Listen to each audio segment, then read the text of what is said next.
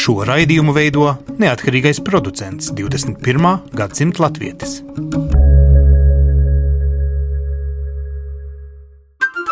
Lai kur mēs būtu, Lai kur mēs būtu, Lai kur mēs būtu, Lai kur mēs būtu, Tie esam mēs. tie esam mēs. Mēs. Tie esam mēs. Mēs. Tas ir par mums. Tas ir par mums. tas ir par mums. Sveicināti raidījumā 21. gadsimta latvieši. Šodien mēģināsim tikt skaidrībā, kā tad latvieši skatās uz vienu no pasaulē, citi teiktu, diskutablākajiem datumiem, ko pēdējā laikā dažādi loc, proti 16. marts. Daudz cilvēku, kas otrā pasaules kara noslēgumu sagaidīja, tā teikt, nepareizajā frontes pusē, kā citi teiktu, pēc tam devās bēgļu gaitās ar dažādām filtrācijas nometnēm un kā savādāk nekad neatgriezās Padomju Savienībā. Tagad, 70 gadus vēlāk pēc kara, bieži mēs īsti labi nesaprotam, kā uz tiem datumiem skatīties. Un tur jāsaka, Gunārs Klauss, kurš dzīvo Austrālijā, esam satikušies šeit eh, pāri deviņām laika joslām no Latvijas. Gunār, cik gadus jūs esat nodzīvojis jau Austrālijā? Es esmu nodzīvojis kopš 1949. gada. Ja jūs esat labs matemātiķis, tad uh, izrēķiniet apmēram. Tā tad vairāk kā pusgadsimts ir nodzīvots. Noteikti vairāk, lielākā daļa mūža ir Austrālijā nodzīvots nekā Latvijā vai Eiropā. Jūs esat nonācis šeit Austrālijā ne aiz tāda brīva prāta, bet faktiski bēgot no tām kara šausmām arī tā dvēseliski, vai, vai Austrālija, kā teikt, bija tālākais punkts no tās jūsu jaunības dienu pieredzes uh, Otrajā pasaules karā? Nu, es nedomāju, ka tas ir iemesls, kāpēc es nonācu Austrālijā. Man šķiet, galvenais bija tas, ka nebija iespēja nekur citur izceļot. Un Austrālija bija tā zeme, kas man ņēma pretī. Mēs bijām ieroču SS, nevis kaut kāda politiska grupa. Mani iesauca 44. gada vasarā. Vispār bija pēdējais iesaukums leģionā. Es vēl tad biju tikai 17 gadu vecs, jo dzimis novembrī, tā kā man tikai novembrī palika 18. Citi izvairījās, ņēma svešus dokumentus, bēga, izlikās Jā. jaunāki. Jūs pārspriedāt tajā brīdī domāt to domu, ka vispār ņemt ieročus rokā ir nostāties kādā pusē un entu sazina. Neviena no pusēm nav laba, kā jūs teicāt. Jā, nu, bija tikai trīs iespējas, manuprāt. Vai nu pieteikties tādā mobilizācijas punktā, vai iet kaut kur mežā un kaut kādā veidā mēģināt tikt pāri uz kaut vai Zviedriju, teiksim, viens otrs to izdarīja. Vai palikt mežā un sagaidīt sarkanarmiju. Man kaut kā likās, ka drošākais un pieņemamākais ir paklausīt šai iesaukšanas pavēlē un, un iestāties leģionā.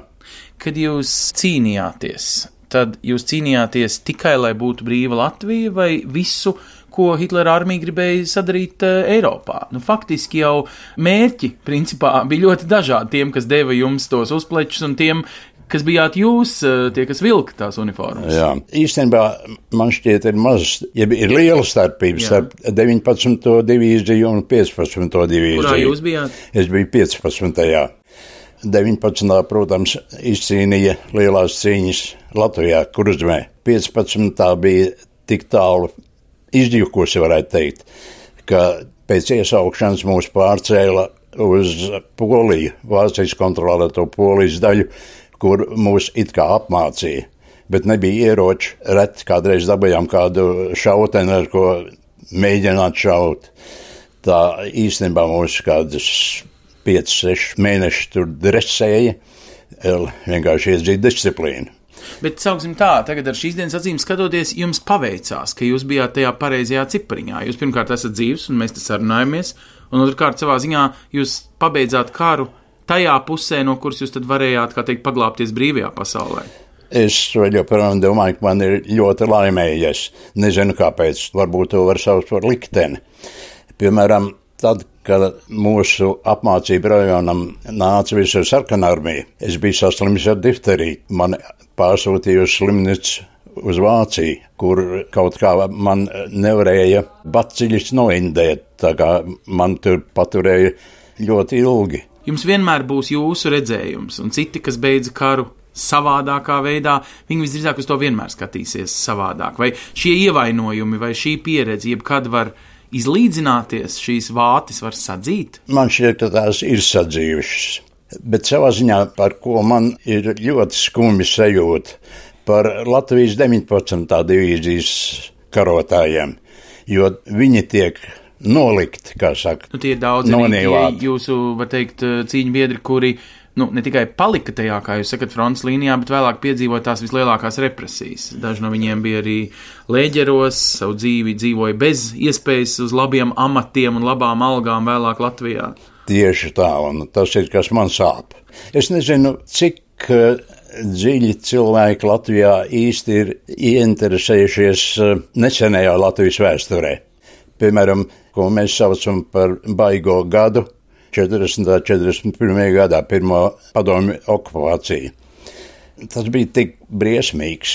Par to būtu bijis jārunā. Es nezinu, jūs esat jauns cilvēks. Īstenībā jūs man uzstādat jautājumus, bet man gribētos pajautāt Lūdzu. jums. Jūs, acīm redzat, esat skolā sācis iet tikai Padomu laikā, protams, es Jā. piedzīvoju arī padomu vēsturi, un tad Jā. manī vēstures skolotāji, var teikt, paņēma citu grāmatu, to, kas rakstīta Zviedrijā ar Vedu Švābi vai Johansonu, man liekas, grāmatu. Varētu būt. un- Ģermaņa. Jā, ģērmaņa, jā. kurš bija mans vēstures skolotājs savā laikā. Paskat kā. Un tad no šīm grāmatām mēs uzzinājām citu taisnību, un beigās abas sajuka kopā. Godīgi pasaku. Jums nav kādreiz tā bijis, ka jums arī sajūta tās taisnības. Galu galā, te Austrālijā dzīvojot cilvēki arī uz Pirmo un Otro pasaules karu skatās mazliet savā sulā. Viņiem ir savs spriedumi. Nu, Varbūt, bet es vairāk skatos tieši no latviešu viedokļa. Ko domā Austrāļi, nav tik svarīgi. Kaut gan arī viņiem var izstāstīt. Un, manuprāt, svarīgākais ir tas, ka Latvijā cilvēki lasa un interesējās un atrod savu uzskatu par šiem notikumiem. Nu, mēs varētu arī teikt, ka ir arī propagandas karš. Latvijā cilvēki prot labi krievu valodu un skatoties krievu mēdīs, dažkārt mēs saucam tos par Waffen SS vienībām, kas izklausās tā kā hitleriešu Nu, nu, gestapo asiņainākie suņi. Tieši tā. Un jūs jūtat, ka Latvijas sabiedrība dzīvo tādā zināmā propagandas ietekmē par to, ka, nu, kā saka, leģions tas ir kaunu traips eh, Latvijas vēsturē? Es noteikti domāju, ka tā tas tiek uzskatīts Latvijā. Zināmās aprindās.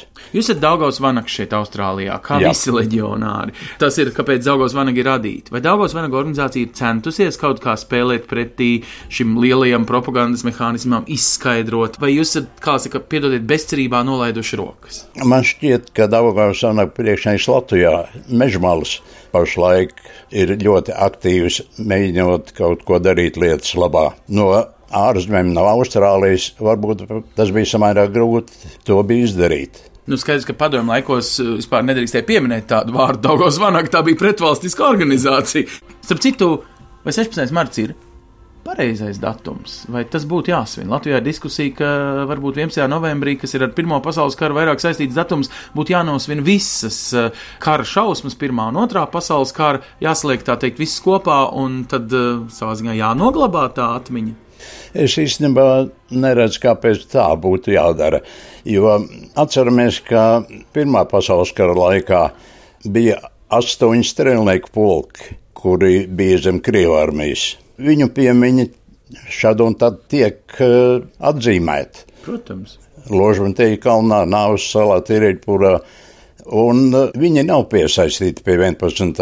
novembra. Tiešā veidā nē, nu 11. novembris ir faktiski nu, to brīvības cīņu beigas, Bermonts uzvarēts un, un Jā, tāds. un ja mēs par to sākam runāt, tad 9. maija it kā arī ir otrā pasaules kara beigas. Ja to atļauj atzīmēt, kāpēc gan ne 16. martu?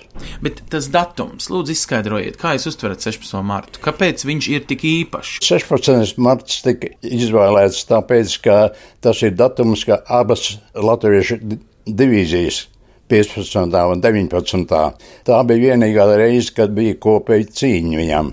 Un tas ir tas triks. Mēs pieminam cīņu, kura jau nebeidzās ar kaut kādu Latvijas eh, neatkarību vai kā savādāk. Tad, kad mēs pieminam kara beigas, mēs pieminam miera iestāšanos, vai ne tā?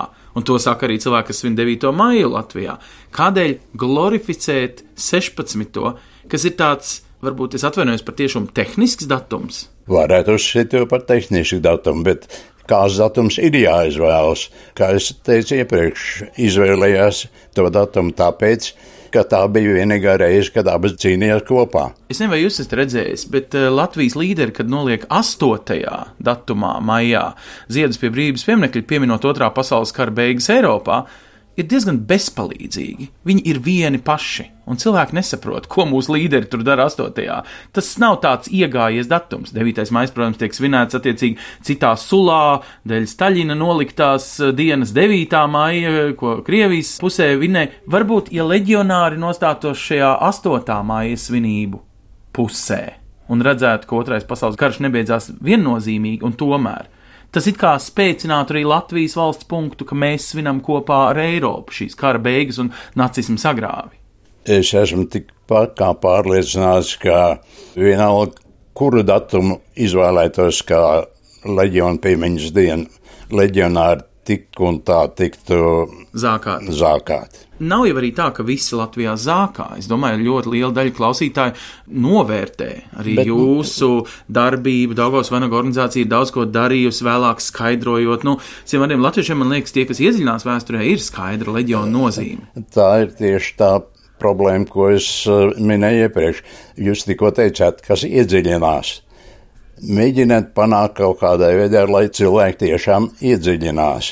Vai prese, vēstures grāmatas, kas vēl būtu iedziļināšanās veids, jo 18. novembrī tagad jāteic svin visi, neskatoties uz viņu tautību vai to, kurā pusē vectēvs ir karojis otrajā pasaules eh, kara laikā. 11. novembrī svecītas krastmalā noliek arī krieviski runājuši cilvēki, kas citādi 9. maijā pieminētu savu vectēvu, nu, otrā pasaules kara notikumus. Es teiktu, ka varbūt cilvēkiem gluži vienkārši jūg fakti. Iespējams.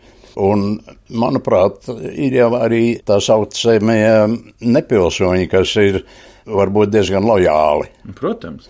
Manuprāt, varbūt vajadzētu kaut kā mazliet stingrāk tiesu sistēmai uzstāties pret tiem, kas tiešām mēģina kurināt kaut kādu veidu naidu pašlaik. Vai jūs jūtat, ka pret jums arī tiek vērsts naids, kad jūs lasat par šiem notikumiem Latvijā, par izteikumiem presē, jūs redzat šos pazemojuma sienu, kas stāv blakus eh, varoņu sienai ar šiem karogiem paceltajiem, kad leģionāri iet pie brīvības pieminekļa. Un tas raisa tik daudz emocijas, gan pozitīvas, gan negatīvas, ka ir cilvēki, jūs cīņu biedri, kas izvēlas palikt mājās.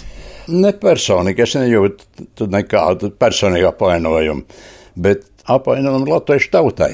Bet tas ir tas jautājums. Mēs it kā mocamies ar šo datumu, un savā ziņā, nu, aizvien vairāk cilvēkiem liekas, ka ir gluži vienkārši vieglāk to atmest. Mēs vienlaikus arī nespējam paši sevi izskaidrot, un kur nu vēl pasaulē izskaidrot.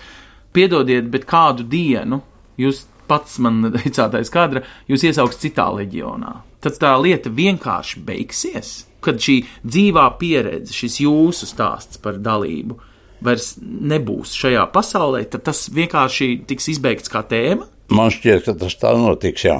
Jo pēc pašreizējās nostājas Latvijā. Acīm redzot, ja ir šaubas par to, vai vajadzētu atzīmēt 16. martu, tad, kad mēs beidzamīgi būsim aizgājuši viņā saulē, manuprāt, 16. marts tiks aizmirsts. Bet tas būs kaut kāds jūsu nožēla par to, ka tas tā arī paliks tāds gaisā pakārts un, nu, kā teikt, pa plauktiņiem nesalikts jautājums vēstures anālēs. Nu, mēs esam nožēlojuši jau to līdz šim. Tā kā manuprāt, tas paliks vienkārši un pazudīs. Vai es varu arī secināt, ka jūs esat arī noguruši no šīs skaidrošanas un cīņas ar propagandas dzirnavām, ar neizpratni, ka jūs patiesībā esat padevušies, lai ir kā ir, lai katrs saprot, kā saprot? Zināmā mērā tā ir, jā. Vai šeit trimdas sabiedrībā tās jaunākās paudzes labi saprot eh, to leģionāru stāstu, vai jūsu mazbērni ieklausās, vai jūs esat varējis vismaz viņiem izskaidrot, kā tā gadījās, ka mēs dzīvojam Austrālijā un kas bija tas dzīves stāsts jums, jūsu jaunībā. Viņi to zina perfekti visās detaļās, kā jūs gribētu.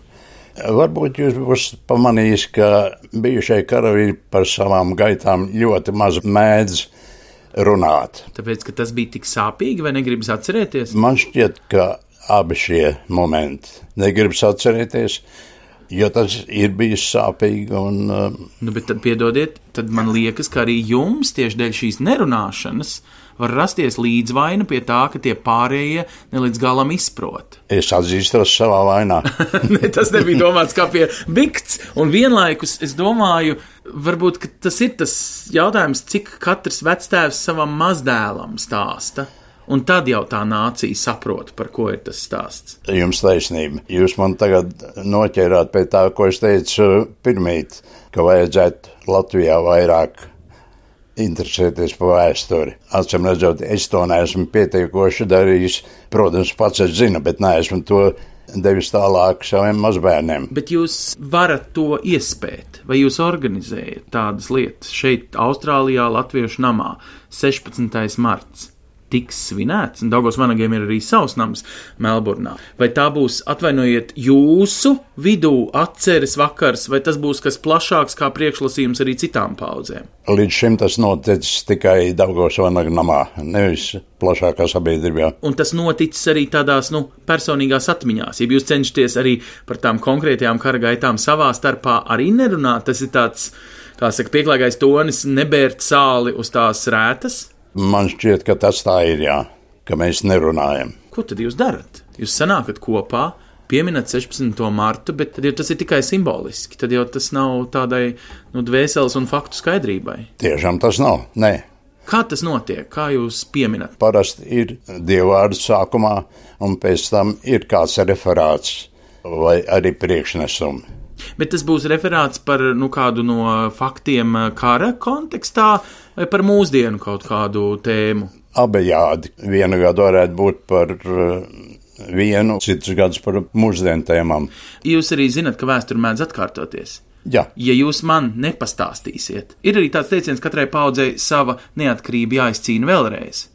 Es no jums skatoties, esmu trīs paudzes vēlāk. Es negribētu piedzīvot savā sirmā vecumā, kad man ir kaut kas, ko atcerēties par karu. Vai jūs domājat, ka jūsu ieguldījums varētu būt arī kā nepieļaut citu karu, kas var sākties? diemžēl grūti teikt. Nē, esmu vairs tik spēcīgs, lai varētu kaut kā it kā cīnīties par kādu ideju vai ko.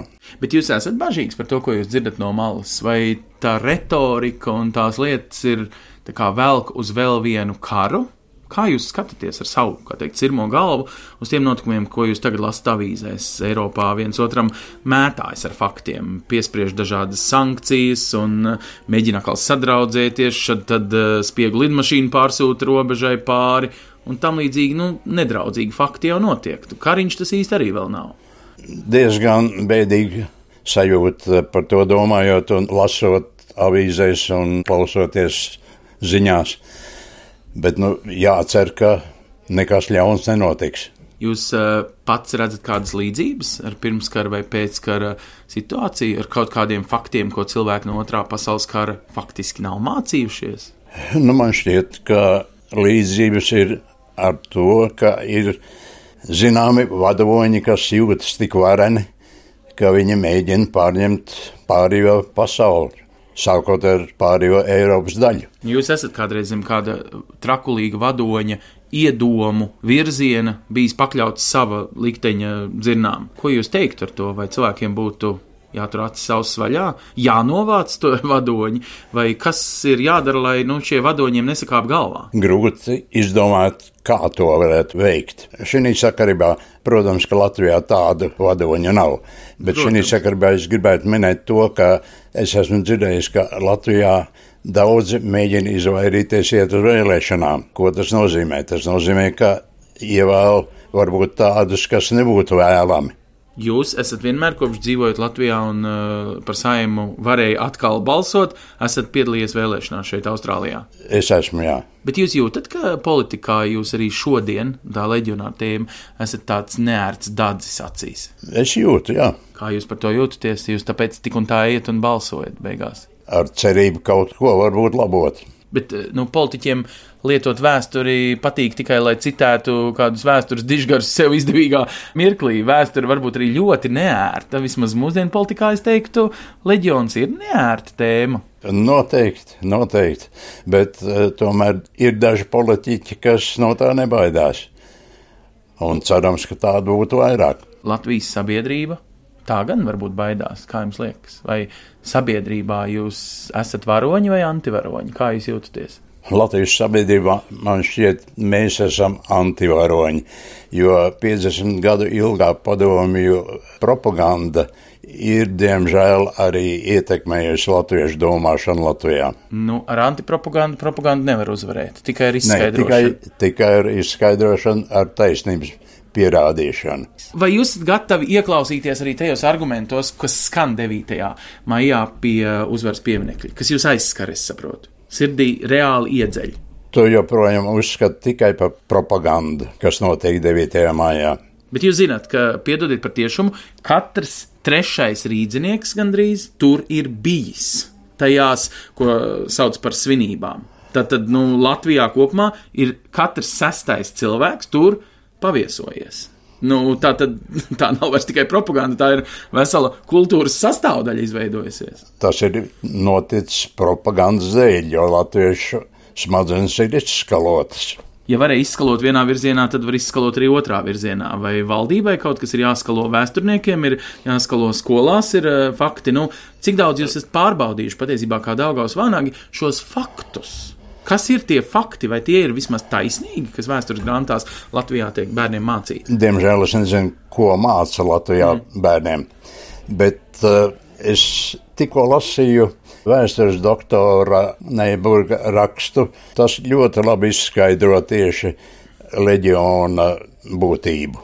To, manuprāt, jums vajadzētu mēģināt panākt, lai tāda veida rakstus māca skolā. Tātad, nu, mums jāpaskaidro, Ulrichs Neburgs ir vēsturnieks, kas strādā okupācijas muzejā. Tātad tik tālu, cik vēsturnieki un šī faktu skaidrošana jūs apmierina. Jūs kā leģionārus tas neaizvaino, ka vēsturnieki mēģinātu interpretēt savā mērcē, ieliet vai ko. Drīzāk ir problēma ar publiku, kas īsti negrib tajā iedziļināties, uztvert. Tā ir tā problēma, jā atzīst to, ko Neiburgs ir rakstījis. Starp citu, Latvijā 90. gadu sākumā bija tāds mēģinājums sasēdināt pie viena galda tos, kuri karojuši vienā un otrā pusē. Jums būtu par ko parunāt ar tiem, kas karu pabeidz ar padomju uzplečiem? Man šķiet, ka būtu, jo arī viņi ir eh, bijuši spiest daudz to darīt. Viņi arī negāja brīvprātīgi. Vai jūs viņus aicinātu, nezinu, 16.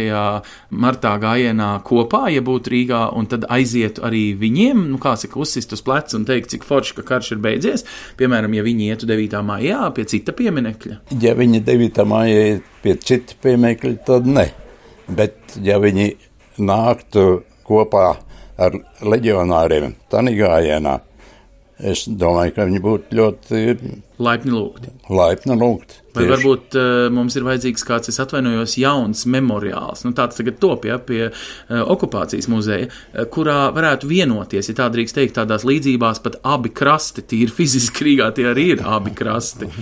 Daugavas malas, ja. Mm. Jā, jā, man šķiet, ka tā varētu būt. Es saku jums sirsnīgi paldies. Gunārs Klauss ir ne tikai aktīvs Daugos Vanagos, bet vēl aizvien latviešu sabiedrībā un novēlu vairāk skaidrot vēsturi. Mēs centīsimies jums palīdzēt kā žurnālisti.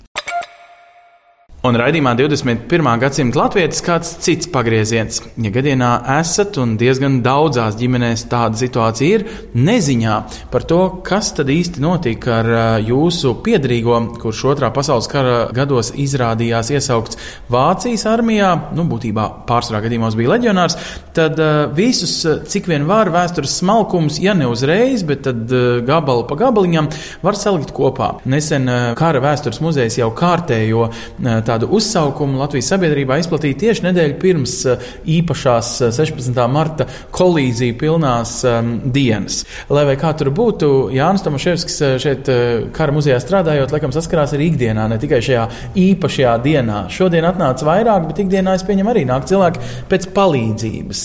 Kas ir tie biežākie jautājumi? Palīdziet man atrast reģistrā ko? Ziņas par kurā vietā krita, cikos krita, kad krita, kādos apstākļos krita. Noteikti var teikt, ka ir dažādi veidi cilvēki. Viena daļa ir tādi, kas uh, grib noskaidrot vispār, vai, vai ir kaut kas par viņa dienestu zināms. Jo ir bijuši tikai kaut kādi nostāsti ģimenē, ka viņš ir teiksim, savākts vienā dienā, aizvests, nav nekas parādījies. Mēs varam pārbaudīt, vai viņš ir savākts kara dienestā, Vai otra puse, ja viņš tur nav, ja viņš tur neparādās, tad iespējams viņš savāks citu iemeslu dēļ. Viņš iespējams ir aizvests kādu darba koncentrācijas nometni vēl kaut kur. Nu, tie tādi tie, pilnīgi tie, bezvēsts pazudušie gadījumi. Bezvēsts pazudušie gadījumi. Tie, kas nu, vienkārši nezina vispār neko, un, un tad viņi nāk. Otra daļa ir tāda, kam ir jau kaut kas jau zināms. Viņam konkrēti teiksim, atsūtīta vēstule bijusi kara laikā. Viņam skaidrs, ka viņš ir bijis karavīrs. Viņš iespējams pēc kara ir izdzīvojis, bet viņš nav neko gribējis stāstīt. Tādēļ eh, nu, viņš ir nomiris ar, ar savu stāstu. Viņš ir aizgājis arī kapā, un nevienam to nav atklājis. Viņi cenšas noskaidrot, kas tur slēpjas. Dažreiz šis klusējošais radinieks ir eh, tepat Latvijā dzīvi nodzīvojis, un dažreiz mm. viņš ir nodzīvojis kaut kur rietumos un nav pat, var teikt, kontaktējies ar saviem Latvijā palikušajiem palikušajiem. Viņš iespējams ir mēģinājis kontaktēties, bet viņam šie kontakti nav izdevušies. Šī vēstule ir pārķerta, nav nonākusi līdz adresātam. Un gan viena puse, gan otra puse ir dzīvojusi pilnīgā neziņā visus padomju gadus. Ir laimīgi gadījumi, kad eh, pienākot PSRS sabrukumam, Latvijai atjaunojoties, šie radinieki ir beidzot sarakstījušies, satikušies, bet tie ir tiešām, tiešām reti gadījumi. Jā, bet tie ir pirms 25 gadiem, un tie ir bijuši tie laimīgie, kad daudzi vēl bija dzīvi. Tagad es saprotu, biežāk ir krustiņš. Ir, protams, gadījumi, kad mums atnāk paši leģionāri. Par sevi vai par saviem Jā, cīņu biedriem? Arī par sevi un par saviem cīņu biedriem. Par sevi pārbaudīt tīri tā intereses pēc. Vai tas sakrīt ar to viņa viedokli par to, kur viņš ir dienējis? Jā, bet pēc šī pārbaudījuma mēs varam teikt, vai šis reģistrs, kas, es saprotu, jūsu rīcībā arī ir no divām dažādām daļām, ja ne mhm. trim, uh, tiešām ir precīzs. Vai jūs varat teikt, ka šeit var uzzināt precīzus datus šajā reģistrā par saviem radiniekiem? Nevienmēr. Kā jau visur ir pastāv cilvēciskais faktors, arī kara laikā šī Latviešu leģiona ģenerāla inspekcija, vācu virsnieki, rakstveži, kas šos karavīrus reģistrēja, ir kļūdījušies. Mums ir bijuši gadījumi, kad cilvēks atnāk, viņš saka, viņam uzvārds ir Andermanis. Mēs paskatāmies pēc dzimšanas datuma, sakrīt, bet uzvārds ir rakstīts Andernovits, kas ir absolūti teiksim, meklējot pēc Andermanis, mēs neko neatrodam. Vai ir tā, ka šis ir apzināti pirms 16. marta taisīts, tāpēc, ka tad mēs aizdomājamies par tām mūžīgajām frontes pusēm un leģionu pusēm? Jo tikko es redzēju, arī ienāca, nu, sauksim, kā ir krieviski un radikāli rakstoši. Preses pārstāvs painteresējās, ko jūs te darat. Nu, būtībā es varu iedomāties, kā viņš atspoguļo šo lietu, nu, kā teikt, nacistu heroizēšanu te, vai nu, jūs pats nojaušat. Vai jūs esat jutuši, ka šī cilvēkiem arī vēl aizvien liekas, politizēta mērce, ja tas ir tikai piemiņa. Mēs to, protams, cenšamies pasniegt kā, kā piemiņu, jo mēs uzskatām, ka jo cilvēks ir vairāk informēts par saviem radiniekiem, ir mazāk kategorisks attiecībā uz citām teiksim, karojošajām pusēm. Jo es esmu pārliecināts, ka neviens ne krievalodīgais nekas nenosoda tādu cilvēku, kas vienkārši iesaukts, lai tas būtu leģions vai tā būtu sarkanā armija. Visi faktiski ir liekami vienā maisā. Un, nu, protams, tas ir tāds apzināts lēmums, ka mēs to taisām tieši pirms 16. mārta, bet savādāk varbūt tas nepanāktu to vēlamo efektu, mm. ka, ka cilvēki uzzinātu par šīm lietām un varbūt arī preses pārstāvi par to neziņoti tik aktīvi, jo, jo galu galā Es domāju, ka arī preses pārstāvjiem ir patīkamāk ziņot par šādām dienām, kur ir tiešām tāds pozitīvs mērķis, nevis rakstīt kārtējo reizi par to, kas tur notiek pie pieminekļa. Pilnīgi vārds vietā. Mhm. Labi, Jā, neskatīsimies, kādā situācijā te lūk pie blakus galdiņa ir pienākusi Dace. Viņa meklē savu tēva brāli. Mūsu ģimenē par to nerunāja.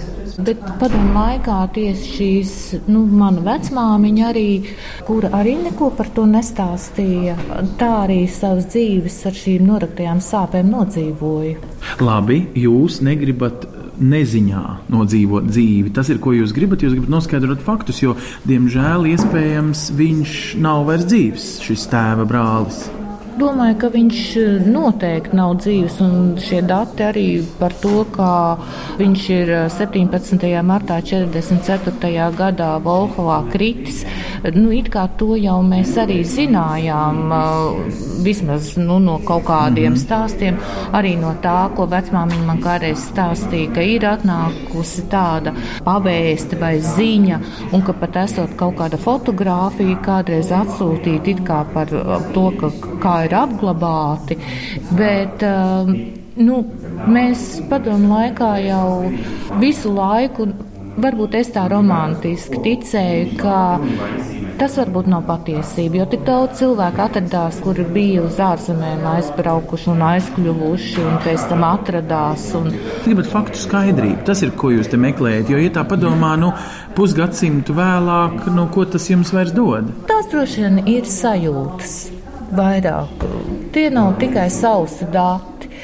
Tad, ja mēs meklējam kaut kādu mūsu ģimenei piederošu cilvēku vai vienkārši tuvu cilvēku, kas varētu būt bijis, tad tā var būt tikai tāda emocionāla darbošanās ar datiem. Nu, apmēram tā kā iešana pie uh, brīvības pieminekļa 16. martā. Jo... Vai vienlaikus vecīts nolikšana, teiksim, Vai, 11. novembrī jā, pieminot visus jā. Uh, karavīrus. Nu, citiem vārdiem tā ir tāda savas emocionālās. Jā domu skaidrības sakārtošana. Jā, neko vairāk tā. jūs te nevarat nokārtot. Bet muzejā. arī neko, es domāju, ka uh, normāli cilvēciski arī vairāk nekas nav vajadzīgs.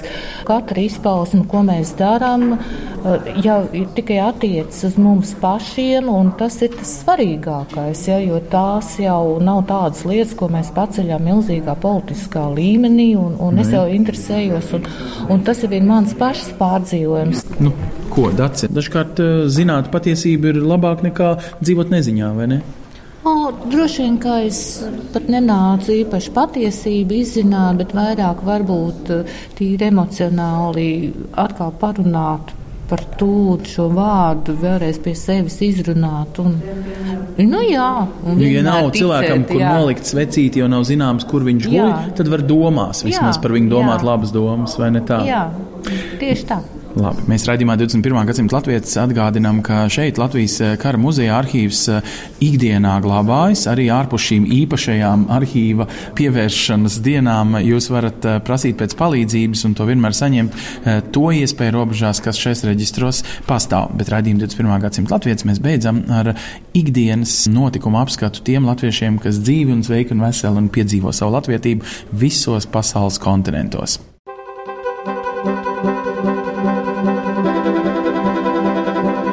Sadarbībā ar, ar Latviešu.com piedāvājam globālais latviešu notikuma apskats, kur ir tur rodas. Kur ir tur rodas?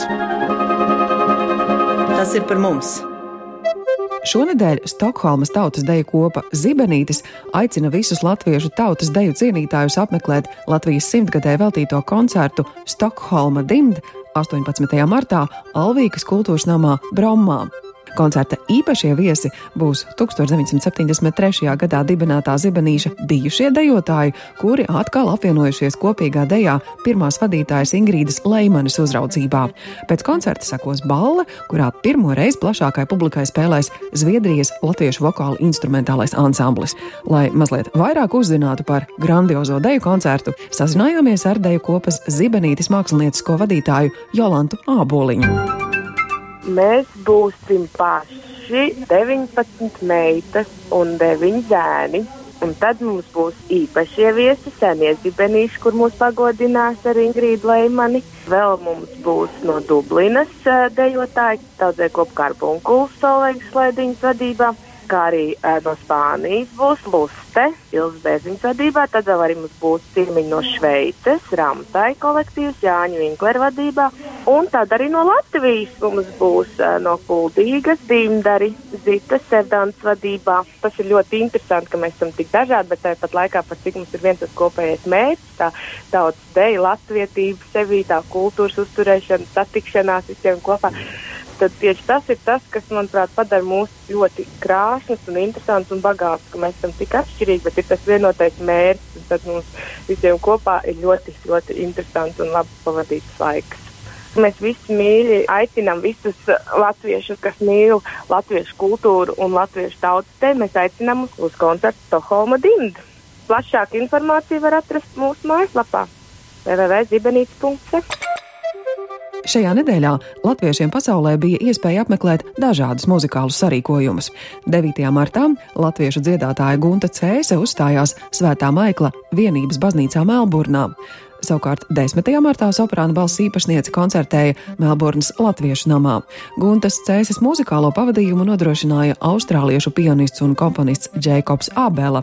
Koncerta programmā bija iekļauti Riharda Vāgnera, Pētera Čekovska, Emīla Dārziņa, Jāzepa Vītola un citu komponistu skaņdarbi, bet 11. Eh, martā Kanādas Latviešu centrā Toronto notika kamerkora dzirksts dziesmu vakars, viņi dejoja vienu vasaru. Muzikālo vakaru vadīja Vīsma Maksiņa, savukārt par klavierspēles pavadījumu atbildēja Helēna Gintere. Nākamajā nedēļā tautiešus Kanādā vienos sarīkojumi par godu Latvijas simtgades karoga ceļam.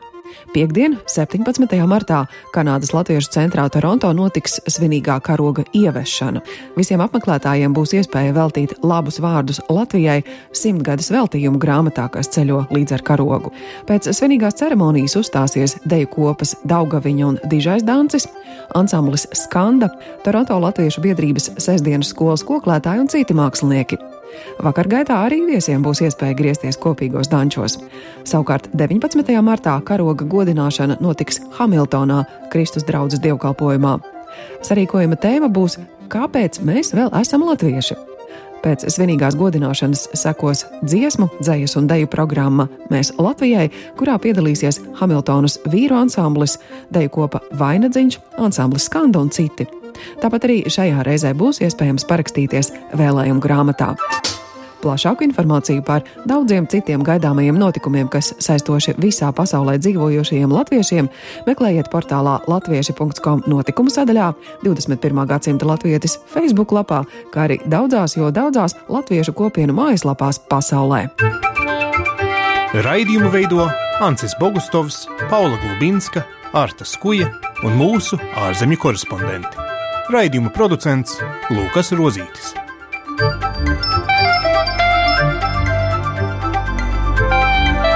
Lai kur mēs būtu, lai kur mēs būtu, tas ir par mums. Tie esam mēs. Tas ir par mums. Tie esam mēs. Tie esam mēs. Tie esam mēs.